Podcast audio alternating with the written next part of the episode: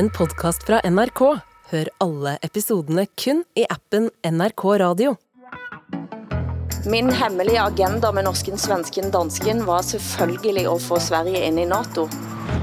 Det går ikke å være i Danmark. Det er så dyrt. Det er så dyrt. Vi ønsker en grønn omstilling for enhver pris. Norsken, svensken og dansken med Hilde Sandvik, Åsa Linderborg og Hassan Preisler.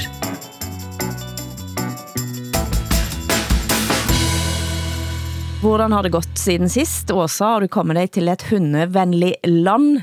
Eh, Du fikk jo ikke lov til å ha med hunden din på hotell i Danmark, eh, kan jeg huske. Hvordan har det gått? Framfor alt fikk jeg ikke med meg hunden inn på restaurant. Det var det som var problemet. Hotell Åh. hittade vi, men restaurantene sa app, app, app. Jeg er i Marseille og her får man ha hund överallt. Eh, det første som hendte når vi rullet inn med bilen i Marseille, det var storstrejk ah. på grunn av det nya pensionssystemet. Var ganska mäktigt faktiskt. Ingenting fungerade. Stor Storstrejk, eh, framförallt stora demonstrationer. Eh, väldigt, väldigt många kvinnor i de här demonstrationerna. Det är framförallt de som drabbas av det här nya pensionssystemet. Lågavlönade kvinnor. Så det var intressant. Eh, typiskt att den här klasskampen ska liksom drabba mig. Men du elsker jo Vi klassekampen, fick ingen mat. Åsa. Det, Ja, precis. Men, men måste den meg mig? Jeg har semester. Har du, har du, har du ferie, eller, eller er du på, har du permisjon fra jobben din, eller hva er det du egentlig skal gjøre?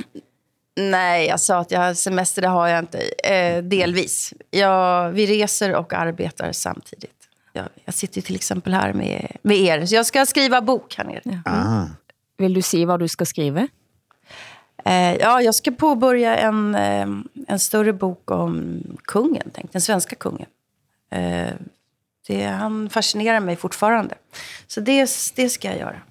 Hur har ni det, Det er jo en klassekamp, det jo en klassekamp det også. Men har du feiret 8. Ja, mars? Har dere, har dere feiret 8. mars?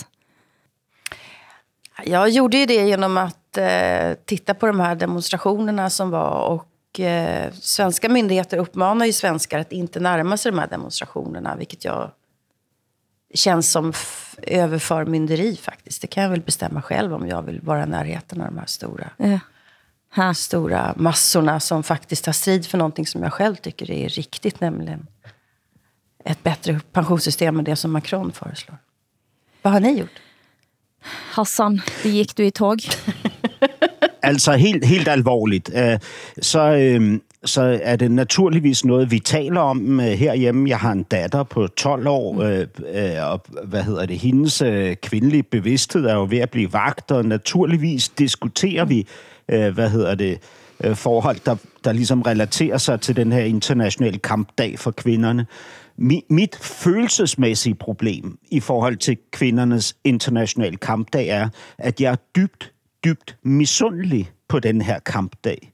Jeg vil ønske, mm. jeg hadde en, en kampdag, hvor jeg per automatikk kan træde inn i et kollektiv, som har en klar og tydelig, øhm, øh, hvad kan man sige, øh, agenda og en klar og tydelig modstander ikke, i kampen. Mm. Øh, det, det savner jeg. Det, jeg jeg opplever ikke noe fællesskab omkring det her. Øh, og og, og hvad, hvad kan man sige? Det, det læner sig jo meget op, af- op af det her, vi ligesom har talt om de sidste par uger med den her mandeidentitetskrise, øh, eller i hvert fald dilemma, som vi står i, øh, synes jeg, øh, øh, meget intenst afdækket, ikke? Øh, som jeg er fortsat med at beskæftige mig med. Jeg har skrevet om det i Weekendavisen, og nu er det også blevet sådan, at jeg skal være moderator øh, til en debatt under Copenhagen Docs, som er Københavns øh, store dokumentarfilmfestival, som løper mm. stablen i, i stablen i næste uge. Øhm, øh, Copenhagen Docs har jo en, et meget nordisk, øh, hvad kan man sige, øh, element, og det er den her øh, øh, prisuddeling til nordiske dokumentarfilm, som er øh, et af de største elementer i den her øh, rigtig mm. gode festival. Ikke? Og jeg skal moderere en debat mellem øh, øh, en gruppe mennesker, øh, mænd og kvinder, som skal udtale sig om mænd, i forbindelse med en, en ret formidabel film, jeg har set, som hedder Bjergene. Det er her, vi bor. En forstad i Norge, omgivet af bjerge. Det her er mig. Det her er min irriterende og mærkelige lillebror, Frederik. og min mor.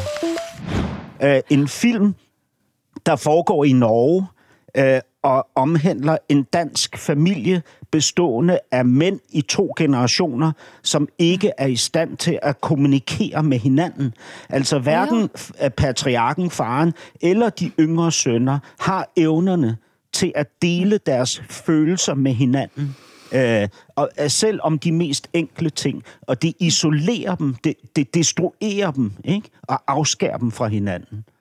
Alltså jag måste nog ändå komma tillbaka till det här med Hassan, att du inte känner någon gemenskap vad gäller eh, eh, kvinnorörelser eller kvinnobevegelser och kvinno, kvinnors frågor. Alltså det beror på kanske vad man, om man bara pratar om identitet och sådär, och kvinnoroll, mansroll, könsroll, det kan jag förstå.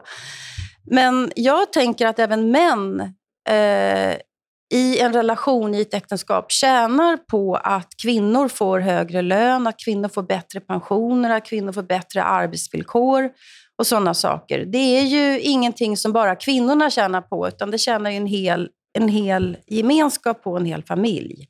Att kvinnorna får bättre villkor. Mm. Och Det ser man ju här till exempel i Frankrike mm. nu när de, när de demonstrerar så, så mycket för eh, alltså ett pensionssystem som framförallt drabbar lågavlönade kvinnor så tjänar ju också deras män på att kvinnorna liksom kan upphäva den där eh, Macrons reform. Så allt handlar väl liksom om vilka, vilka frågor man väljer att, att sig på en, en dag som 8 mars. Jag är skittrött på allt som har att göra med könsroller och könsidentitet. Det har vi pratat om tusen gånger i den här podden. Ja, og, og jeg Hvad tenker du om det, Hassan? Fordi jeg, jeg, jeg kjenner jo på litt på samme måten, at mye av dette er jeg veldig trøtt på, og samtidig så vet jeg jo også, at den kampen er jo en av de kampene, som har gjort, at du kan være den faren, du vil være for Mogens, for eksempel. Men det er jo også det er jo den gennemgang af, af, hvad kan man sige, den historiske kvindekamp, som betyder så meget for mig i forhold mm. til min datter, fordi jeg vil jo have, at hun skal vokse op med mulighederne for at blive øh, en kæmpe kanon, hvis hun vil det, inden for hvilket som helst område, hun ønsker. Ikke? Mm. Øh, og og på, I ved jo også, at praksis herhjemme i det her hjem er jo innrettet sånn at der er, øh, ja, altså, jeg, jeg vil ikke vite hvordan jeg skal kalle det andet enn komplet ligestilling. Mm. Altså, det, det er jo helt klart, min øh, kærestes karriere, der fylder mest i det her hjem. Ikke? Og på mange andre områder, så vil jeg egentlig sige, at det er, bortset fra de områder, jeg er blind for, ikke? Mm. så vil jeg sige, at det er jo et en ligestillet eksistens, jeg lever, og sådan ønsker jeg, at det skal være. Ikke? Samtidig så føler jeg jo en, en stor, hvad kan man sige, isolation i forhold til de øh, kampe, jeg jeg selv øh, ønsker mm. at, at kæmpe, og jeg ser en stor blindhed i forhold til, til øh, til ekstremt marginaliserede grupper i det her samfund, som mm. der simpelthen ikke er nogen interesse for. Ikke? Mm. Øh, jeg, jeg bliver simpelthen forvirret i forhold til, til det her. Øhm, altså, er, er, den, er 8. marts en fejring af historiske tiltag? Er det et ønske om at gøre opmærksom på de de mest øh, uretfærdige og brutale uretfærdigheder, der foregår i dag, er det en bestemt gruppes, samfundsgruppes mm. uh, privi, privi, øh, særlige privilegium, uh, eller hvad er den her dag? Mm. Er det de udstøttes dag? Fordi fordi de udstøttes dag, ikke? så vil jeg gå ud med en fane med det samme mm. og demonstrere med, med altså tænde en fakkel, når mørket falder på. Ikke? Det er der ingen tvivl okay. om. Mm. Okej, okay, men jeg, jeg tycker att det är intressant att, att eh, män ofta säger jo, jo, jag är jättetacksam mot den historiska kvinnokampen. Eh, på, när, men den kvinnokampen för 30 år sedan som viser resultatet av idag, eh, den var ju männen rädda för då. Man var bang för den då. Eh, så mm. den här mm. kvinnokampen, kvinnorörelsen, den är man alltid, alltid bang för. Eh, och eh, jag kan också säga till dig Hassan, jag känner väldigt liten gemenskap med eh, feministiska rörelser. Så, för att det är bara en medelklassprojekt som liksom har väldigt lite att göra med frågor som intresserar mm. mig. Så jag kan på sätt och vis förstå vad du säger. Men vi kan inte liksom kategorisera alla kvinnor och alla frågor på det sättet som jag tycker att du, du gör här. Jag tror man är alltid rädd för de här rörelserna. Och sen så Men i är- efterhand ja. är man tacksam för vad de faktiskt har, har oppnådd. jeg, jeg opfatter Hassan på et annet vis enn deg også. Mm. Uh, for, fordi jeg, det jeg ser nå er jo en stadig mer splittet kvinnekamp. Så det er et Ja, ja. av de svarene jeg ville gitt til Hassan. At det er ikke en samlet kvindekamp. Det har kanskje heller aldri vært det, men nå er det i det veldig liten grad. Hvert år nå så går der altså tog som bryter ut av hovedtoget, for de vil noe helt annet.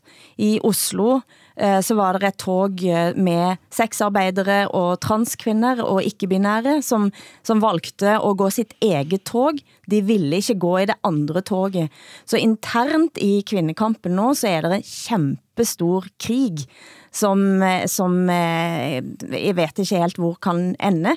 Eh, Så det er det ene, men det andre som jeg hører at Hassan sier, det handler jo nettopp om den marginaliserte mannen, og hvor, fin og hvor han findes. Eh, Og jeg ser stadig flere menn som blir ganske aggressive etter hvert eh, over at det kommer påstander om at kvinnehelse eh, er det ikke forska på, at kvinnehelsen er så mye mindre verdt enn mannehelsen, og så sier de, ja, men menn lever syv år kortere, eh, der er masse sykdommer som, som tar liv av menn, som ikke tar liv av kvinner. Menn er ensomme, det er menn som tar liv av seg. hvor er den kampen? Så det jeg hører er egentlig et behov for at det ville, ville, vært en solidaritet rundt en sånn kamp. Jeg Ja, Men det holder jeg med om. Der er jeg helt med. Absolut. Gud, ja. Også fordi man, man siger jo ikke, øh, øh, når det drejer sig om mænd, så, så siger man ofte ikke, at det er et, øh, et mandeproblem. Så siger man, det er et klasseproblem. Mm. Så taler vi om den her gruppe af mænd, som lever kortere, som er ensomme og som mm. tager livet af sig selv, ikke? Som, som tilhørende en, en udstødt, marginaliseret gruppe af mænd. Mm. Ikke?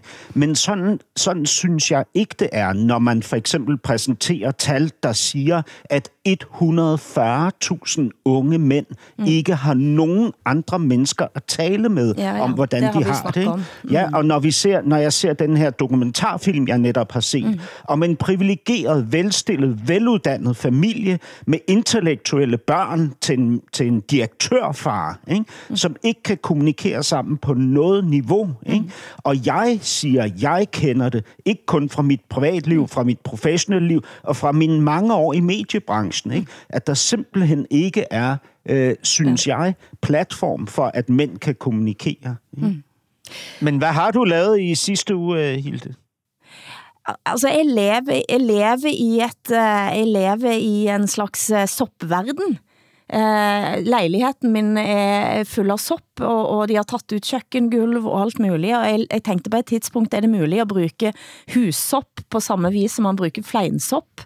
Eh, men eh, men eh, nå, er, nå har jeg kommet meg til Oslo, så nå puster jeg inn vanlig luft og ikke sporer.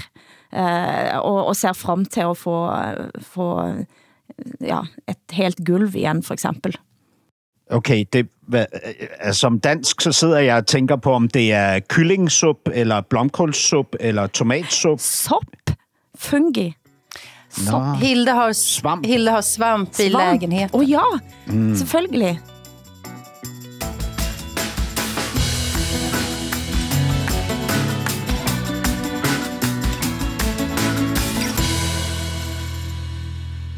Vi har fremdeles ikke sett Exit, noen av oss, har vi det? Nej, den finns, den finns inte i Sverige än den tredje säsongen, men jag väntar Mm. spänt. Netop. Nej, vi, vi i går, men, men så skal vi ha en, en norsk bank-idé for å uh, at oh, se den på nettopp. NRK. ja. Mm? Ja. For den tredje sesongen med finansakrobatene fra Oslo Vest er nok så tæt på virkeligheten. Der sier altså en av eh, skuespillerne, Egersund Vindpark, en av Norges største vindparker, betaler ikke en krone i skatt. Det er utenlandske eiere som hover inn på norsk natur. Det sier han energisk, og hele, hele denne sesongen handler da om eh, hvordan eh, man utnytter systemet og tjener seg grovt rik på vindkraft. Eh, og nå har det vært en debatt på NRK, debatten på NRK, som, som tar for seg hvor likt dette finansakrobatmiljøet i Exit er med virkeligheten.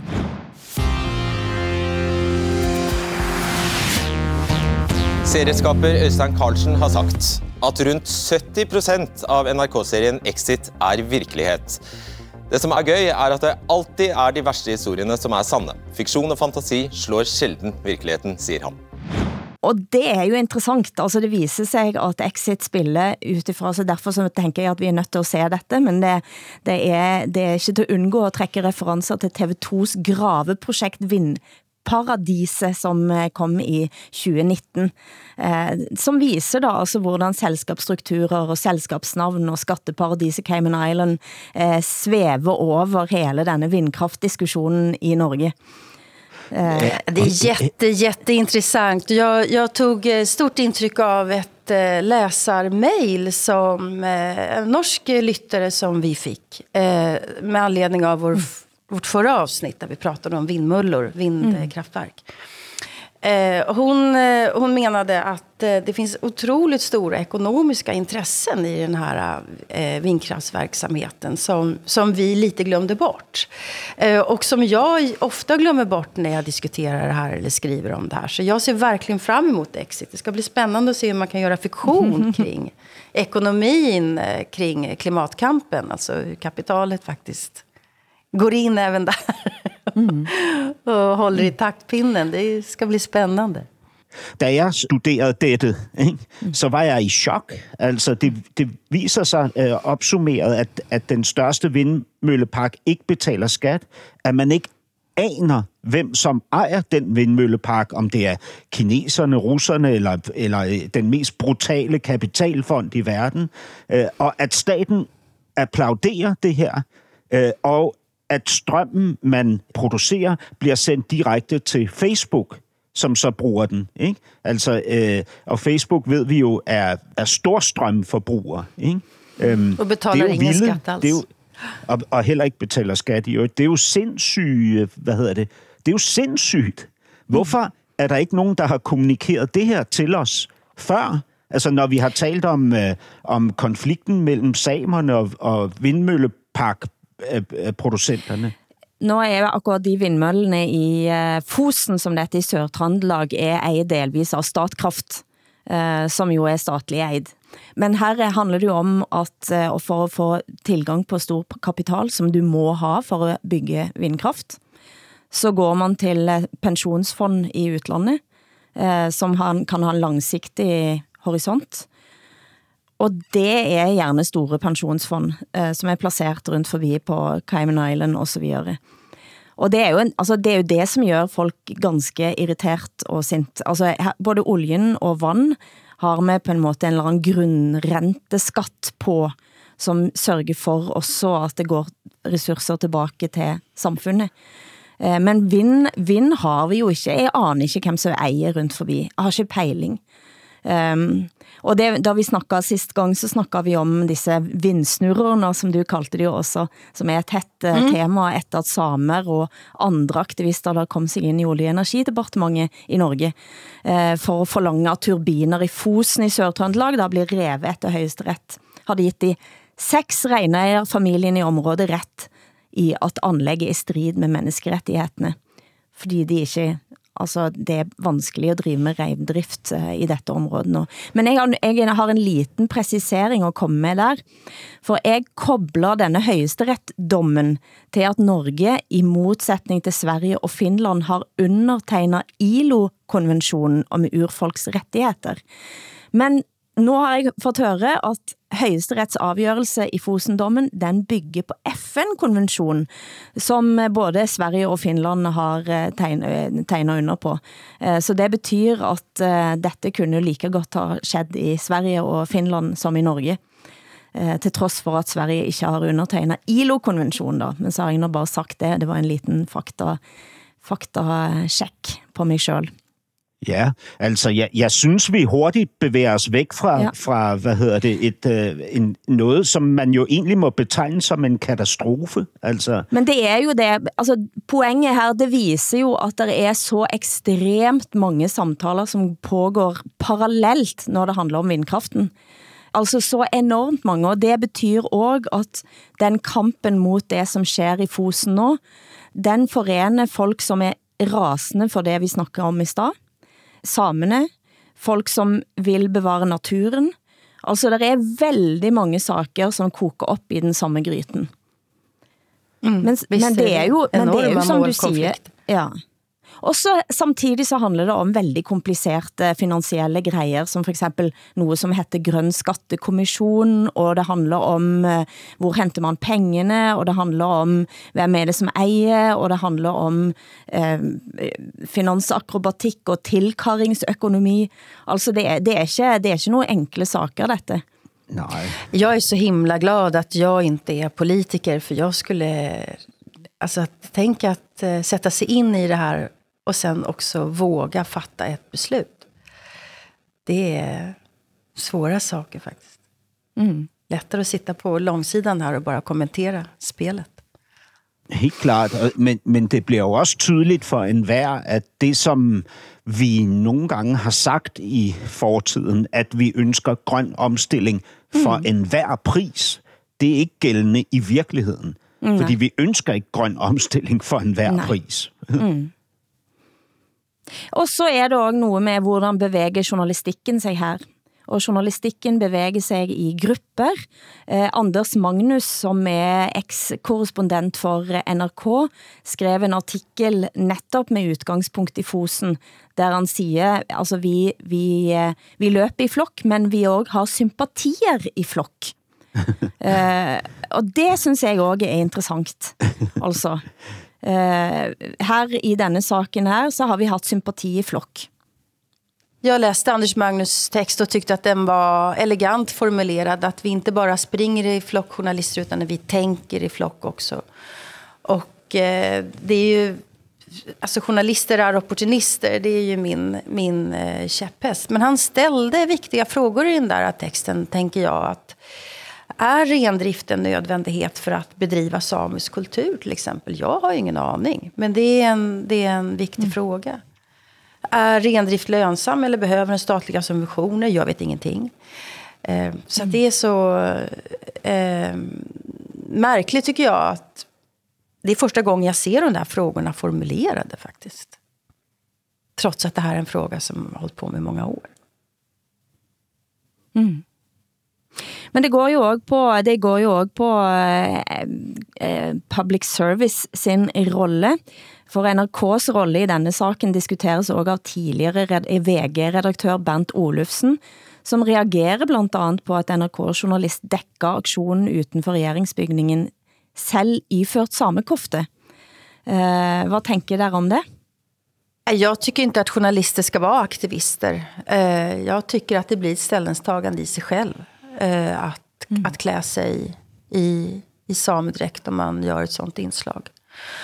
Å andra sidan så blev jag påmind om eh, under Black Lives Matter när högerpopulister menade att svarta journalister inte skulle kunna göra reportage eller intervjuer som hade att göra med den här frågan. Vilket var ett absurt påstående. Eh, och vi liksom ser ju i efterhand utvärderingar som visar att, att det var lika objektiv journalistik som, som eh, med andra med annan hudfärg klarade av att göra. På den andra sidan så har vi den andra identitetsrörelsen som, som eh, vi hade för några år sedan. eh, En, tongivende tongivande feminister som menade att bara kvinnor ska få intervjua kvinnor. Det är ju andra sidan av det där spektrat. Vad tycker ni själva om den här journalisten? I, Nej, altså det, det kan jo være at uh, dette var en uh, journalist fra NRK Sápmi, som er sameradioen, og det kan jo være et vanlig arbeidsantrekk, uh, tænker jeg. Du lytter til Norsken, Svensken og Dansken.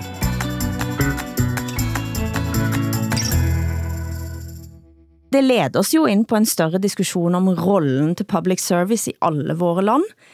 I Danmark diskuteres ansettelsen av en ny P3-redaktør heftig. I Berlingske Tidene skrev forfatter Christian Egander Schou at DR valgte Isabella Hinskjær, fordi hun er woke. Han ble siden kritisert for å være kvinnefientlig, Isabella Hinkjær har de seneste år vært sjefredaktør på ukeblad Femina, der hun ifølge den danske avisen BT har satt en ære i å revolusjonere damebladstoffet, fra å handle om mat og mot og slankekurer til å òg behandle politiske emner som likestilling, samtykkelov og feminisme. Hva er saken, Hassan?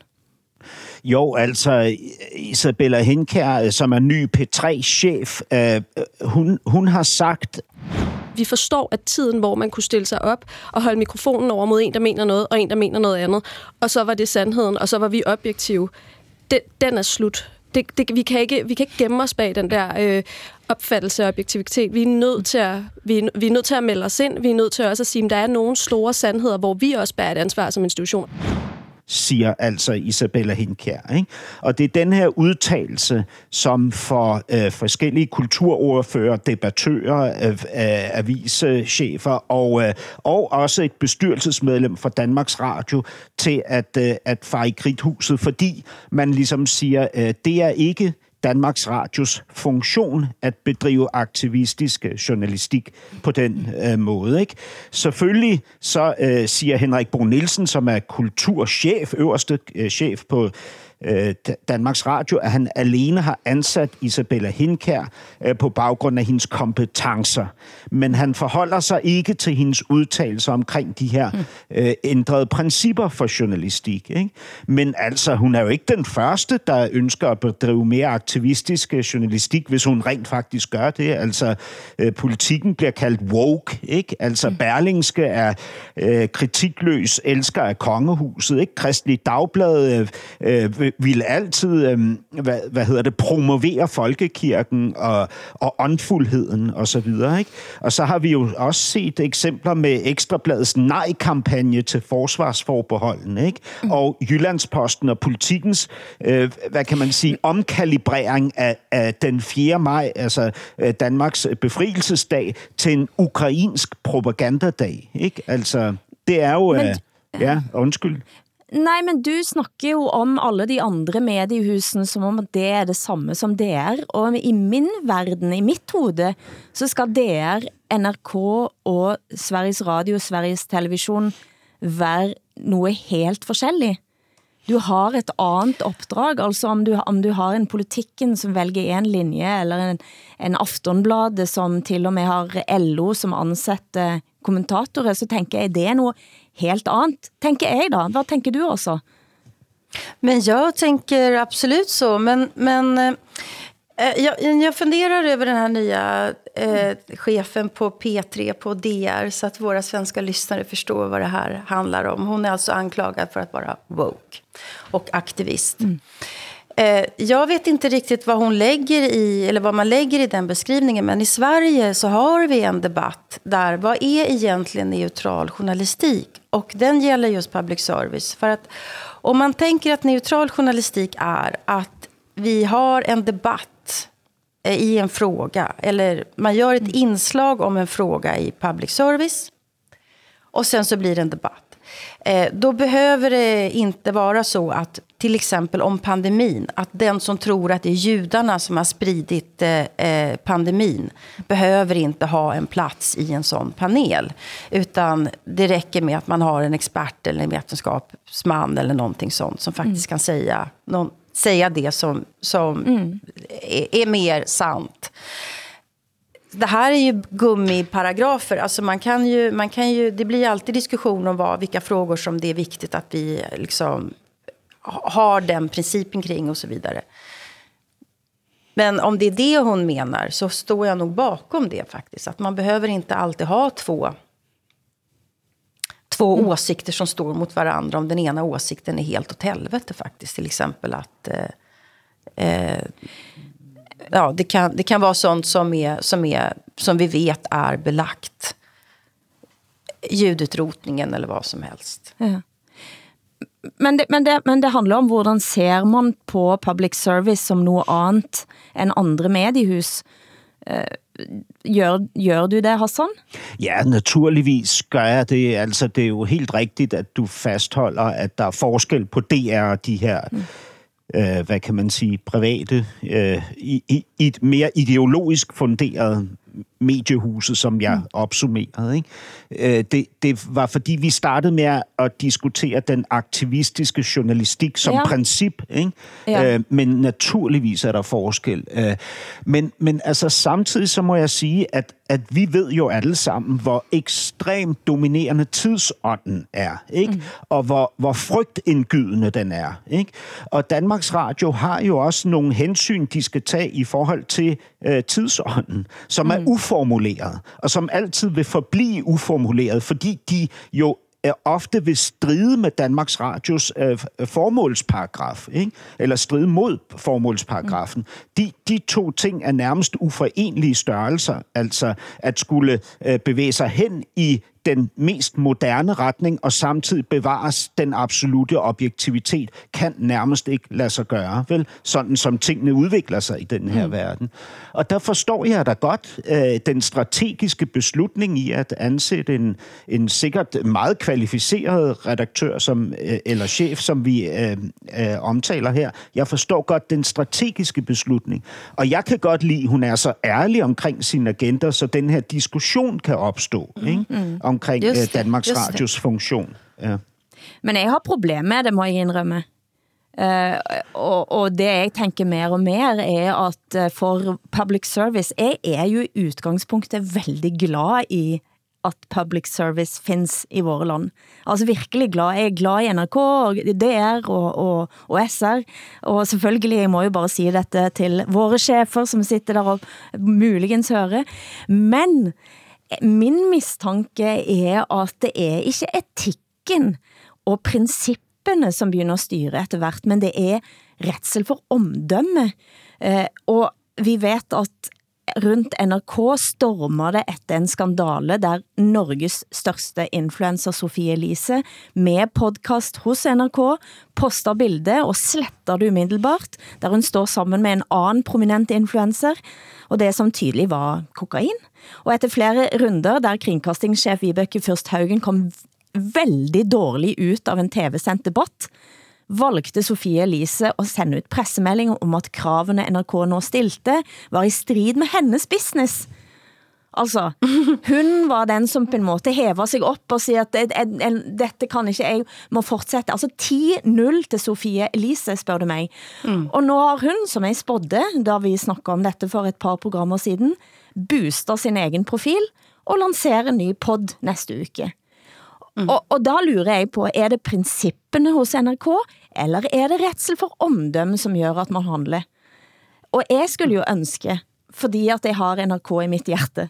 Jeg skulle ønske at NRK heller hadde noen stilige prinsipper som hverken var woke eller det ene eller det andre, men som handler faktisk om å, å sørge for, at vi alle kan fungere som samfunnsborgere og være opplyst og det gode gamle dannelsesbegrepet. Og det er sikkert mange som fnyser, når jeg sier det.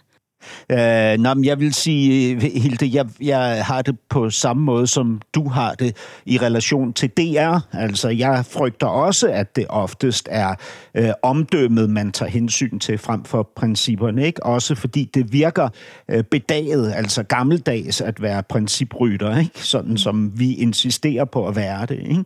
Øhm, men, men og, og, og den der tidsånd er en, altså det er en sokker, altså det er en, det er en dræber, ikke? Altså, jeg er så lei av den tidsånden. Kan vi, kan vi gjøre noe med den? Spikre den opp på en vegg, hva som helst? Nej, det är, vi, det är vi med och skapar tidsandan så det går inte.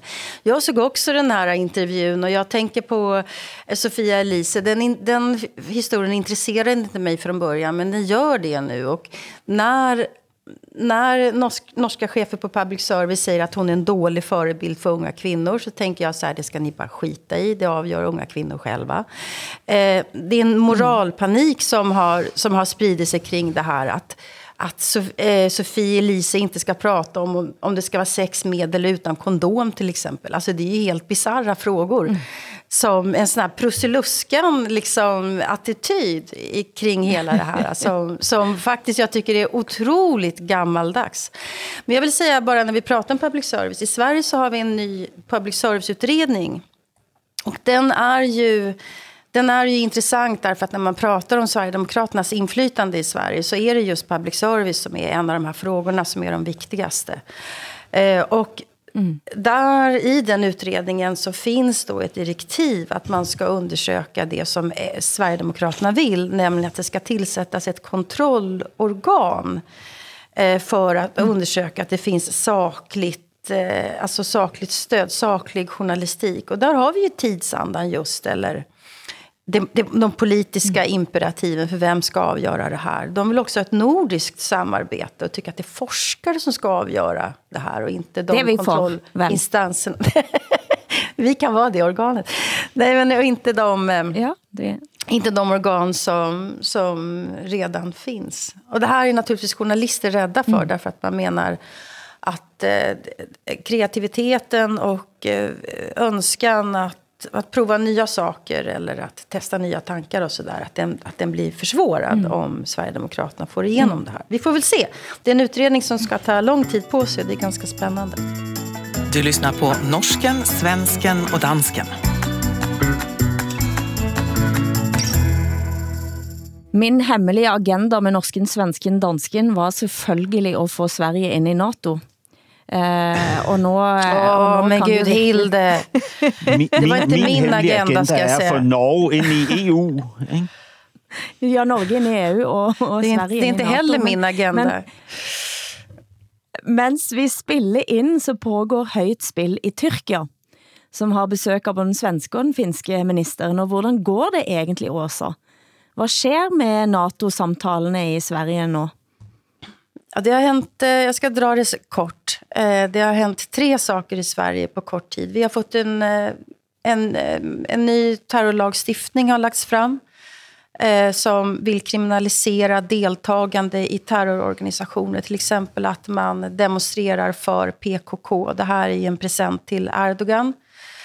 Lagrådet, de som alltså granskar förslag till nya lagar, säger helt nej. Och de påminner bland annat om att ANC, Sydafrika, en gång var terroriststämplat. Eh, Ungern säger att de vill ha med Sverige i NATO, men de vill att Sverige slutar sprida lögner om hbtq-politiken i, i Ungern. Mm. Eh, vi har også fått en ny NATO-lag i Sverige som, som innebär att det inte ska bli tillåtet för NATO att utplacera kärnvapen på, Sver på svensk territorium. Och det är jag glad för. Jeg har i mellomtiden lest i Aftonbladet en artikkel som var nok så overraskende for min del. Din kollega Andreas Cervenka skriver om klanene som styrer Sverige, og det er altså ikke familieklanene i drabantbyene rundt Stockholm, Gøteborg og Malmö han skriver om, men den aller største familien, klanen altså Wallenberg. Ifølge Dagens Industri var ikke mindre enn seks selskap fra Wallenberg-sfæren med på tur, da statsminister Ulf Kristersson besøkte Tyrkias president Erdogan i november i fjor. Vi har jo snakket om Wallenberg før, men jeg blir altså alltid smått sjokkert når jeg ser på tallene, for de er altså så store. Det er en familie, som starta industrien på midten av 1800-tallet. Nå er det fem generasjoner de er blitt etter hvert. De står for fire av de største selskapene på Stockholms, Stockholmsbørsen. Eh, de er gode for, eh, de kontrollerer selskap som er verdt rundt 5000 milliarder kroner. omsætter for 2200 milliarder om året, og sysselsetter 850 000 personer. Altså, det er Wallenberg. Og så er seks Wallenberg-selskap med på tur, når Ulf Kristersson skal snakke med Erdogan. Altså, det, det er helt svimlende også. Ja, min, min familj, där har man jobbat på, på Wallenberg, ägda industrier i generationer. Metallverken och ASEA i Västerås. Mm. De äger ju stora vapen, eh, de är vapentillverkare, bland annat. Mm. Så, och massa infrastruktur och massa verksamhet som man väl då har intressen i här. Det här. Och banker. NATO og bank, ja, ja. Bank i hvert fall. Visst. Men altså, man, man, man sidder jo her i Danmark, ikke? Hvad hedder det? Af og til må jeg også gerne pusse min nationalglorie, ikke? Altså, man sidder jo her i Danmark og tænker, at hverken Norge eller Sverige er så langt fra Saudi-Arabien, som vi gerne vil, vil fastslå, at vi er. Altså, Sverige er åbenbart styret af enkeltfamilier med ekstrem økonomisk magt, ikke? Og Norge øh, er, er energiproducenter, øh, men producerer deres energi, selv den grønne energi, med skrupelløshed. Ikke? Altså øh, fuldstændig uden øh, øh skattepligt og, og hensyn til, mm. til øvrige forhold som klima i øvrigt. Mm. Ikke? Altså, Sverige ender nok i NATO, jeg er altså, for, for øvrig ganske enig med deg, Hassan. Så jeg, har, jeg, kan ikke, jeg kan ikke protestere på dette. Uh, men allerede er det privatpraktiserende deltakelse i krigen uh, fra Sverige. Uh, hører jeg på Sveriges Radio. Og da skal det handla om et emne som skapat en del debatt på siste tiden, nemlig at betale for å få sitt personlige meddelande eller hälsning skriven på en ukrainsk granat som sen anvendes i kriget mot ryska soldater. Det har bl.a. den svenske influenseren Matgeek gjort. Johan Hedberg, som han egentlig heter, med drygt 300 000 følgere på YouTube, skrev på en granat og betalte for det. God jul, hilsen Matgeek. Ja, men Hovedsakelig er det därför jeg jag anser at mine penger kan anvendes bedre i Ukraina enn å gå ut til julkort, eh, som vårt företag skulle ha sendt ut annars. Eh, samtidig så ble det her et sett å tydeliggjøre at det faktisk pågår et forsvar av Ukraina mot en angriper. Och alla sätt som vi kan hjälpa Ukraina på anser jag vara bra sätt. Vi har, vi har en skyldighet att hjälpa till. Ville dere ha sendt av gårde en sånn hilsen? Kjøpt en hilsen på en granat, eh, Hassan? Absolut ikke. Altså, jeg, jamen, altså, prøv å forestille deg den granat med dit budskap god jul, rammer ned i en, øh, en familieeiendom ved en fejl. Ikke? Altså, det, det må være den frykteligste opplevelse overhovedet, ikke? at ha finansieret øh, myrderier på den måten. Men samtidig så må jeg jo si at jeg forstår jo utmerket at ukrainerne på enhver tenkelig måte forsøger at, øh, at skabe opmærksomhed opmærksomhed, at, at et, etablere nye bidrag, øh, finansieringer osv., ikke? Øh, sådan som de gør. Så jeg skal ikke gøre mig til moralsk dommer over fænomenet. Jeg kan bare sige, at jeg vil aldrig nogensinde selv gøre det, fordi min egen frygt for at have bidraget til noget, som er en katastrofe, er for stor. Ikke? Og så? Jeg tycker alltså, i samma stund som man pratar om en sån här sak så känner jag mig så lite smutsig på något sätt. Alltså det blir show mm. av, mm. av det här. Eller narcissism. Eller, det är mm. tenker tänker jag. Mm. Eh, men jag tänker också... Jag tänker det som Hassan sa här. Sätt, sätt ju fingret på en öm punkt. Eh, för att... Eh, att, att man själv inte vill vara med och bidra till någonting som kan vara en katastrof för en civil familj men vi pumpar ju in vapen i Ukraina. Vi, mm. alltså, vi, gör ju, vi, vi bidrar ju till det där hela tiden ändå. Eh, att sätta på ett budskap, eh, att skriva god jul eller glad midsommar eller någonting så här, det är ju, det är ju avskyvärt naturligtvis. Men var går gränsen för vad man ska göra? Alltså... Mm. De här vapnen de dödar, ju, de dödar ju ändå. Så vi skickar in tonvis med vapen som riskerar att, att skjuta människor i stycken. Så, ja, jag vet inte. Det är det här, jag grubblar över det här hela tiden. Jag, jag, jag, mm. jag hatar krig. På alla, alla sätt. Och just det här är ju... Eh, vilket samvete ska man ha? Liksom, och vad finns det för lösningar? Och, jag vet inte. I, I september skrev norske nettavisen at spydige beskjeder var skribler på norskproduserte våpen, nettopp norskproduserte, som kommer fra et selskap i Rukon, som ikke selv har lov til å sende våpen til Ukraina, men som kanskje da kommer via en omvei. Eh, altså de kjøpes fra eh, våpenfabrikken og sendes eh, til, til Ukraina. Eh, og det var skribler tydelige beskjeder på projektiler. En av beskjedene lyder, Hei, jeg har forsøkt å nå deg angående din utvidede bilgaranti. Altså, det er vist nok henvise til automatiserte telefonoppringinger i USA. Eh, og det var Twitter-kontoen Ukraine Weapons Tracker som, som, som hadde tatt bilder av dette, der du ser helt tydelig en norsk skribleri. Eh, men det er jo faktisk også en lang tradisjon for å skrible korte og spydige beskjeder til fienden. Under andre verdenskrig så skal eksempel amerikanske piloter ha skrevet God jul, jul Adolf, og jeg tenker at denne matgeeken kanskje hadde fått med seg denne God jul Adolf-signaturen eh, som på bomber som skulle slippes over eh, Nazi-Tyskland. Eh, ja, men det är ju inte den stoltaste, stoltaste aktionen, tänker jag, som, eh, som amerikanerna kan, kan liksom berömma sig av. Att skriva god jul och släppa ut de här bomberna över, över befolkningen i Dresden. Mm. Alltså, bombningarna i Dresden är ju en skamfläck faktiskt. Mm. Det är... Vad och, det? och att hämta inspiration därifrån, det är, det är ingen ursäkt. Alltså, det, mm. det funkar inte. Altså tanken på å skrive noen ting som helst eh, på noe som skal ramme gutter i alder med min egen sønn, eh, kunne jeg aldrig noensinne ha gjort.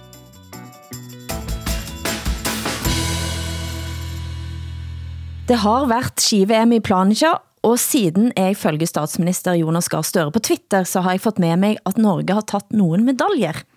Og herlighet, som han har tvitra! Har dere sett det? Han har gratulert i øst og vest og fremstår som den største sportskommentatoren.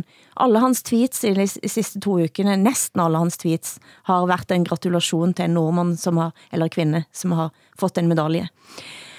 Men Bak skjuler det seg litt for kjepphøye nordmenn, for mens det knapt er andre nasjoner i verden, som lenger driver med skisport, så har vi nå den situasjonen at Norge slår Sverige. Vi har tatt 27 medaljer, svenskene 12, og dårligere vinnere enn nordmenn skal vi lete lenge etter. Ekspressens det fins ikke. Det fins ikke. Thomas Nei. eh, Pettersson i Ekspressen, som har vært opptatt av dette længe, han skriver at Norges hån mot Frida Karlsson er motbjudende motbydelig. Altså, mm. han sier eh, et råd innenfor framtiden, nyktra til, veks opp, og passer det inte kan ni vel være snella og stanna hemma blant era fjorder, skriver Thomas E. Pettersson. Altså, jeg er tilbøyelig til å være enig, og, og vil i mellomtiden lure på, om jeg kan få lov til å flytte til Sverige da i så fall. Å, du er så velkommen, Hilde. Kom. Kom. Kom. Hva tenker du også Kom om denne svenske Kom hånden? Jeg vet ikke. Jeg, jeg tycker väl faktiskt att norrmän är ganska dåliga vinnare i skidsammanhang. Ni är väldigt eh. Men jag minns ju också hur Gunde Svan eh, på 80-talet betedde sig. Han var ganska stöddig vinnare han också. En svensk skidåkare för, norsk, för danska lyssnare här som inte vet vad jag pratar om. Men eh, nej, men ni, det, ni beter er ganska illa faktiskt i, i skidspåret. Jag tycker det. Jag tycker det. Ja. Mm. Norge bør ikke vinde noen ting, spør du mig. Vi, vi tåler det ikke. Vi tåler det ikke. Alltså jag älskar ju Norge. Jag håller ju på Norge väldigt ofta. Men det gäller skidor, jag kan inte för att ni beter er så jävla illa faktiskt. Det går inte. Jag håller på alla andra nationaliteter, men inte Norge.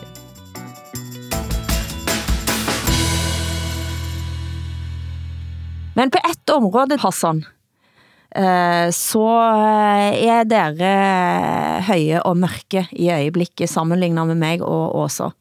Den danske kronekursen, altså. Det går ikke å være i Danmark. Det er så dyrt. Det er så dyrt. Ja, øh, det kan I sige. Altså, I ved jo, at jeg har været i chok hver gang, jeg har taget til Norge, ikke? Og har set priserne deroppe. Altså, så det kan jo godt være, at øh, den danske krone er, er 30 procent stærkere end den norske, men, men priserne i, i Norge er jo mindst 30 procent højere under alle omstændigheder, ikke? Altså, det er jo så ekstremt dyrt at gå ud og spise eller drikke et glas vin eller noget i Norge, ikke? At man, at man bliver, altså, at, at man mister lysten til det, hvis man havde. Prøv at høre, i øvrigt, så må man også sige, for norsk og, og svensk, især norsk økonomi, er det jo altså enormt godt, at, at den norske kronen er så svag. Altså, det, det, det norske eksport, den norske eksport går jo så mm. godt, ikke? fordi den norske ja. krone er, er lav. Jeg forstår slet ikke, hva det er, øh, man klager over. Altså, er det, er det, det er klart, hvis Norge... Ja, nej. I ved. Det er samme sak, men den svenske kronen er jo veldig låg. Det gynner jo eksporten, så klart, men det er dyrt å leva. Altså, den danske kronen er jo bundet til euroen, og det betyr at den danske sentralbanken hele tiden sørger for at euro og danske kronekursen alltid er den samme. Det er fast kurspolitikk, som det heter. Mens den svenske kronen, som den norske, er flytende. Og vår krone er blant annet koblet til eh, oljeprisene. Så når oljeprisene går ned, så blir den eh, norske kronen svak. Og når det er uro i verden, så blir den lille norske valutaen veldig svak og pinglete. Eh, så det er jo det som er grunnen. For hver gang det skjer en stor negativ hendelse som påvirker finansmarkedet, så blir eh, kronen mindre verdt. Mm. Den svenske ekonomin er veldig knuten til bostadsmarknaden. Som, oh ja, ja. Ja, som er Men, veldig spesiell i Sverige. Det var dansker ute på NRK som var veldig happy med detta. Den lave danske kronen gjør det deilig å være dansk i Norge. Når man skal på skiferie neste år, hvis man overveier Østerrike, Sverige og Norge opp imot hinanden, som vi som danskere jo gør, så kunne det jo godt tale litt mer for Norge, når prisen er blevet litt bedre. Hassan, har du tenkt deg på skiferie i Norge? Det snør jo i Danmark til og med nå, så nå trenger man ikke det. ja, det er jo ikke den type snøfall vi får i Danmark, Hilde. Det er jo ikke sånn at vores bjerge ligger klædt i sne, så vi kan køre opp og ned med lifterne her øh, i, i weekenden. nei, jeg skal ikke øh, til Norge for tiden. Altså, jeg prøv å høre, med, med de rentestigninger, der, der er varslet til sommer på vores flekslån, så blir jeg siddende lige præcis her ved mitt køkkenbord, ikke, indtil øh, verden har stabiliseret sig igen øh, rent økonomisk. Ikke? Fordi min økonomi er jo ikke bundet til euroen. Min økonomi er bundet til renten, ikke? som mm. er i mhm. himmelflugt. Ja, min altså. også. Herregud. Ja.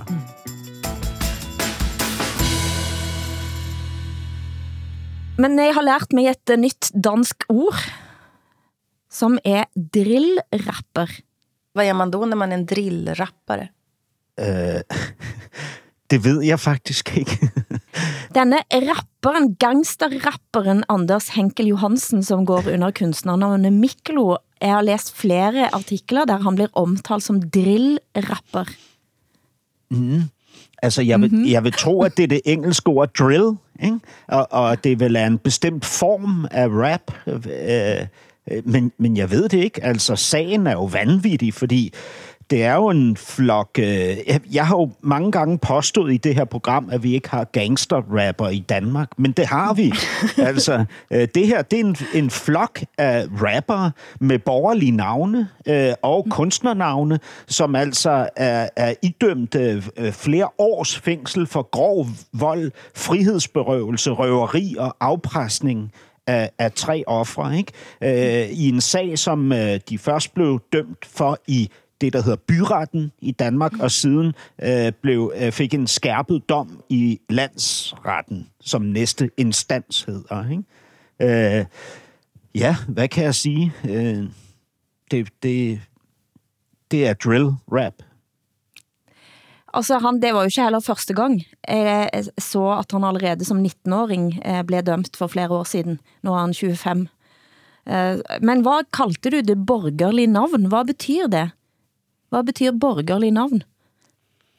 Eh, borgerlig navn, jamen det er Ja, du sa at han hadde et borgerlig navn. Er ikke det et medborgerlig, altså er ikke det et civilt navn, eller? Jo, altså det er jo det borgerlig navn, det er jo en uformell betegnelse Ja, ja. på ens okay. egentlige navn, Ja. ikke? Det vil Ja, si, sånn, ja. det Ja, vil sige okay. hvis nu hvis nu I to I kalte meg uh, uh, Hassebasse Brumbasse, ikke? Som som min morfar gjorde, så vil uh, så vil man si om meg at mitt borgerlige navn er Hassan Preisler, ikke? Ja. Mm. Men det här är en etnisk dansk drill-rappare som är kriminell. Är det så jeg skal forstå Ja. ja.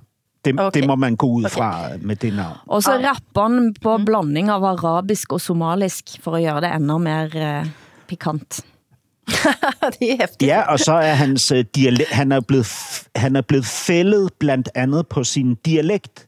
Og det er en mm. dialekt, som ligesom tydeligvis ikke er traditionelt dansk, altså, men en, en dialekt, som ligesom afspejler under normale omstændigheder et andet etnisk tilhørsforhold eller kulturelt tilhørsforhold, end han rent umiddelbart har. Ikke? Så han har jo påtaget sig både sprogligheden? Og, og også dialekten fra nogle miljøer, han måske er vokset op i, eller i hvert fald har plejet omgang med. Ja.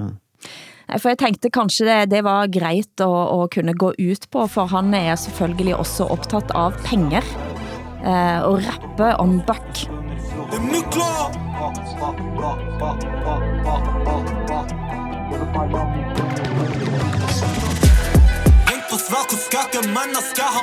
Producent har vært Eskil Paus, tekniker Hans Christian Heide. Takk til Åsa Linderborg i Stockholm, Hassan Preisler i København. Jeg heter Hilde Sandvik i Oslo.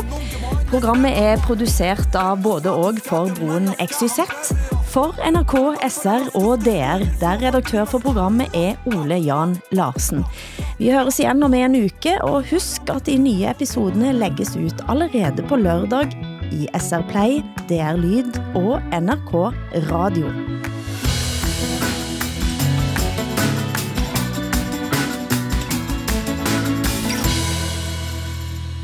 Du har hørt en podkast fra NRK. Hør alle episodene kun i appen NRK Radio.